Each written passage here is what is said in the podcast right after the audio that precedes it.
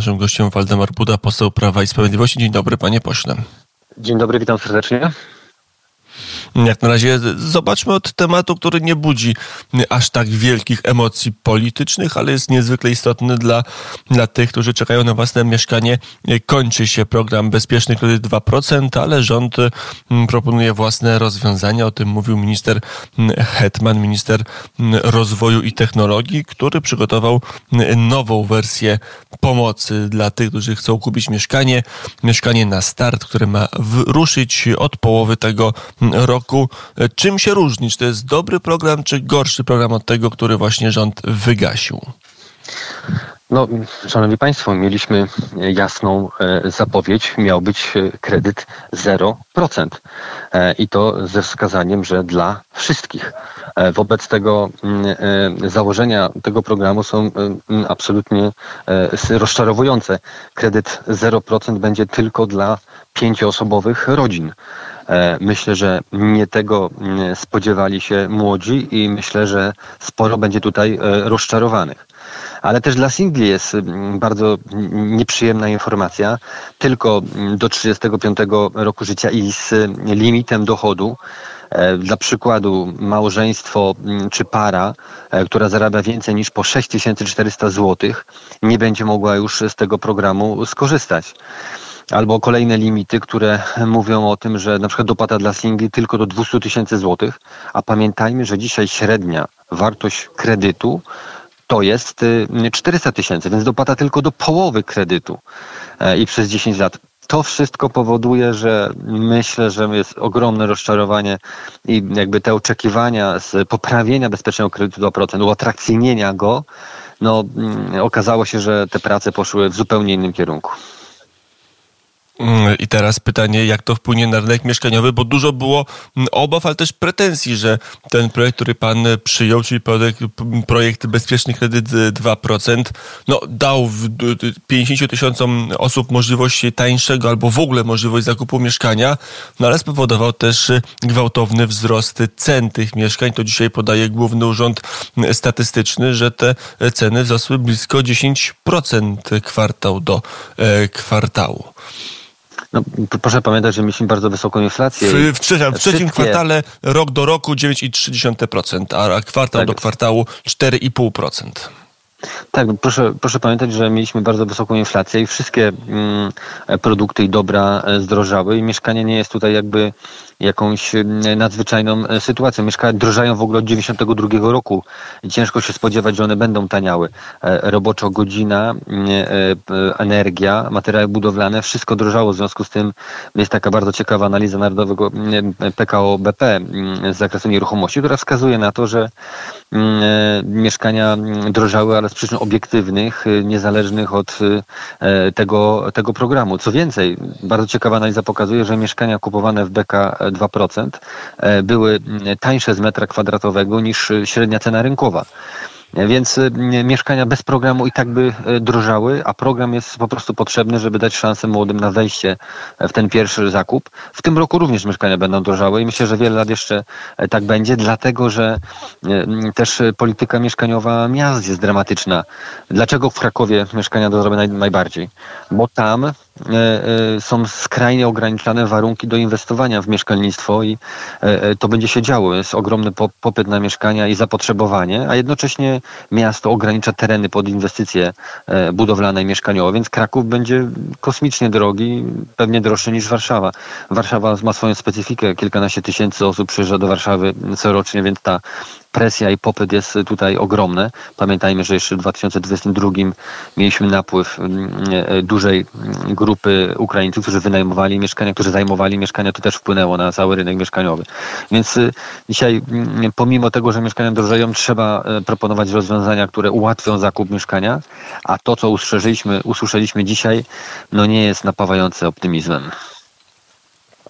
Za czym jak ten projekt będzie realizowany, bo on jeszcze będzie musiał mm, przecież przejść całą ścieżkę legislacyjną, jeszcze zmiany, jeszcze mm, poprawki, no ale fakt jest faktem, przez pół roku tego wsparcia nie będzie. Program kredyt 2% jest zwijany, a, a nowy, a nowy pojawi się, mm, jeśli się pojawi, to dopiero od połowy tego roku. To jest element to też zupełnie niezrozumiałe, bo zmodyfikowanie bezpiecznego kredytu 2% to jest kilka tygodni e, i nie ma żadnego powodu, żeby banki już mają systemy, tylko muszą inne kryteria wprowadzić, więc nie miałoby żadnego powodu, żeby przeciągać tę sprawę o pół roku. To kompletnie niezrozumiałe. Znając technikalia, e, wiem, że można to dużo szybciej zrobić.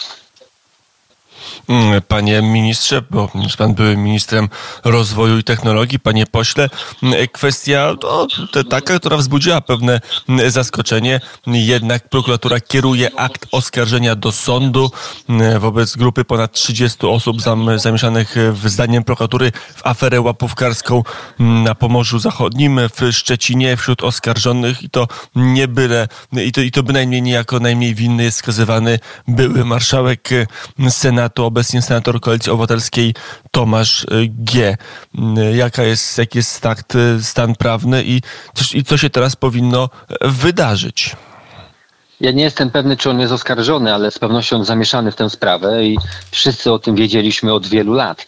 E, I ja się dziwię, że była tak potężna obrona ze strony e, Donalda Tuska i ze strony całej opinii publicznej, e, wówczas trzeciej osoby w państwie, czyli marszałka E, Senatu. Dzisiaj się okazuje, że nasze podejrzenia e, były e, prawdziwe i jak pan marszałek Grocki mówił o morderczych czy zabijających kopertach, to myślę, że mógł mieć na myśli te koperty, które w tej sprawie są w tych stanach faktycznych pokazywane jako sposób na przekazywanie łapówek i to wielo, wielomilionowych. Cały ten mechanizm ponoć miał być E, wykreowany e, przy udziale i przy e, aprobacie samego marszałka Grodzkiego, więc sprawa rozwojowa i tutaj obrona jeszcze nawet pół roku temu tej sprawy i obrona pana Grodzkiego no, była całkowicie słuszna i wyłącznie polityczna. Myślę, że w imię doktryn Neumana, czyli dokąd my będziemy mieli wpływ, to sądy będą cię bronić i E, niewykluczone, że i w tej sprawie może być podobnie, ale oby e, sprawiedliwość tutaj wygrała. Zobaczymy, jak to będzie wyglądać. Sam marszałek Grocki e, mówi tak, to sprawa, nie, ta sprawa to ostatnie podrygi pisowskiej prokuratury przed tym, jak wróci normalna, niezależna prokuratura, tak mówi Tomasz G. Nie wiem, cały czas nie jestem pewien, bo są różne, różne wytyczne, czy no nie ma uchylnego immunitetu, więc chyba nie można mu posłać aktu oskarżenia, no ale ten akt do tak. sądu wpłynął także wobec e, pana Tomasza G. Więc nie wiem, czy można używać całego nazwiska, czy nie można. Z informacji medialnych mamy, mam, wiedzę, mam wiedzę taką, że ponoć wniosek o uchylenie mu immunitetu został skierowany do Senatu Rzeczypospolitej. Więc prawdopodobnie to jest ten etap, ale to są te doniesienia medialne zaczyna to będzie wyglądać. Liczy pan na to, że, że politycy Platformy uznają, no dobrze, jest akt oskarżenia, to w takim wypadku warto, żeby polityk stanął przed sądem i się oczyścił, czy jednak będzie ta, ta taktyka inna, że do końca bronimy swojego i żadne zarzuty, żadne wątpliwości nie zmienią naszego postanowienia?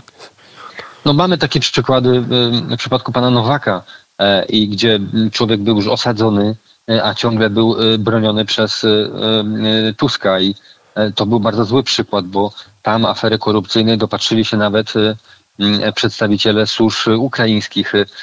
Trzeba przyznać, że jak na warunki ukraińskie i nad ich praktyki, jeśli chodzi o korupcję, to żeby wychwycić tam korupcję i żeby rzeczywiście ją ścigać, to muszą być bardzo poważne już czyny, bo to przyzwolenie tam jest dużo większe niż u nas, więc e, e, dobrze, żeby nie, też i Senat sam się nie kompromitował, czyli jeżeli są jakiekolwiek podejrzenia, to żeby natychmiast poddał pana Grodzkiego wymiarowi sprawiedliwości, niech on rozstrzygnie o jego winie, a takie uporczywe przez lata bronienie e, takie czysto łapówkarskie, z takich obrzydliwych, bo pamiętajmy, że dotyczyły osób chorych. No, wymuszanie na osobach, które są w bardzo trudnej sytuacji, wymuszanie łapówek e, jest czymś najobrzydliwszym. To nie jest biznes, to jest walka o życie, walka o zdrowie, a wtedy ludzie są gotowi zapłacić e, każdą cenę i pieniądze, nawet łapówkę, żeby e, walczyć o życie bliskiego albo swoje.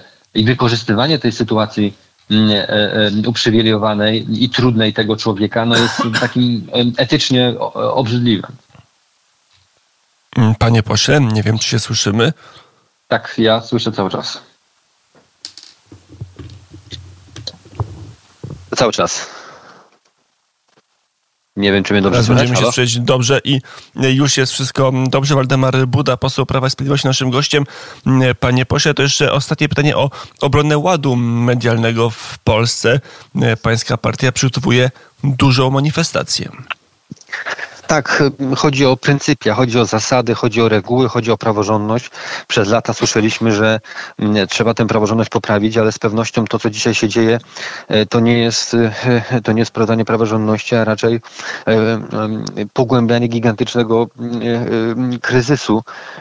W kilka tygodni doprowadzono do sytuacji, w której zdeprecjonowano wagę ustaw, które są podstawowym aktem prawnym w Polsce. Podejmuje się uchwały, które nie mają mocowania prawnego.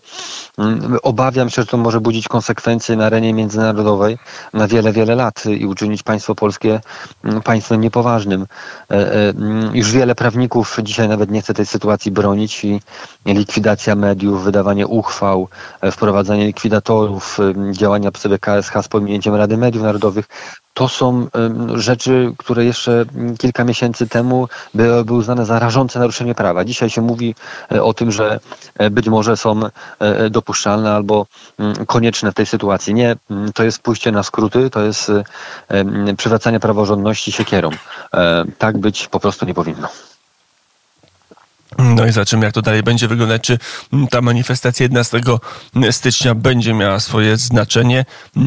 Z Łodzi, z, województwa łódzkiego, jakie są przewidywania, jak wiele osób jest gotowych pojechać na taką manifestację do Warszawy?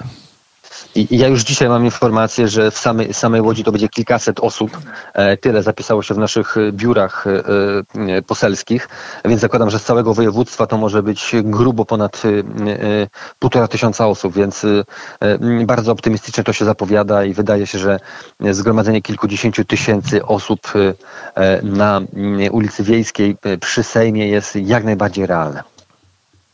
I o tym mówił mm, Waldemar Buda, poseł Prawa i Sprawiedliwości. Panie pośle, dziękuję bardzo za rozmowę. Dziękuję bardzo, pozdrawiam serdecznie.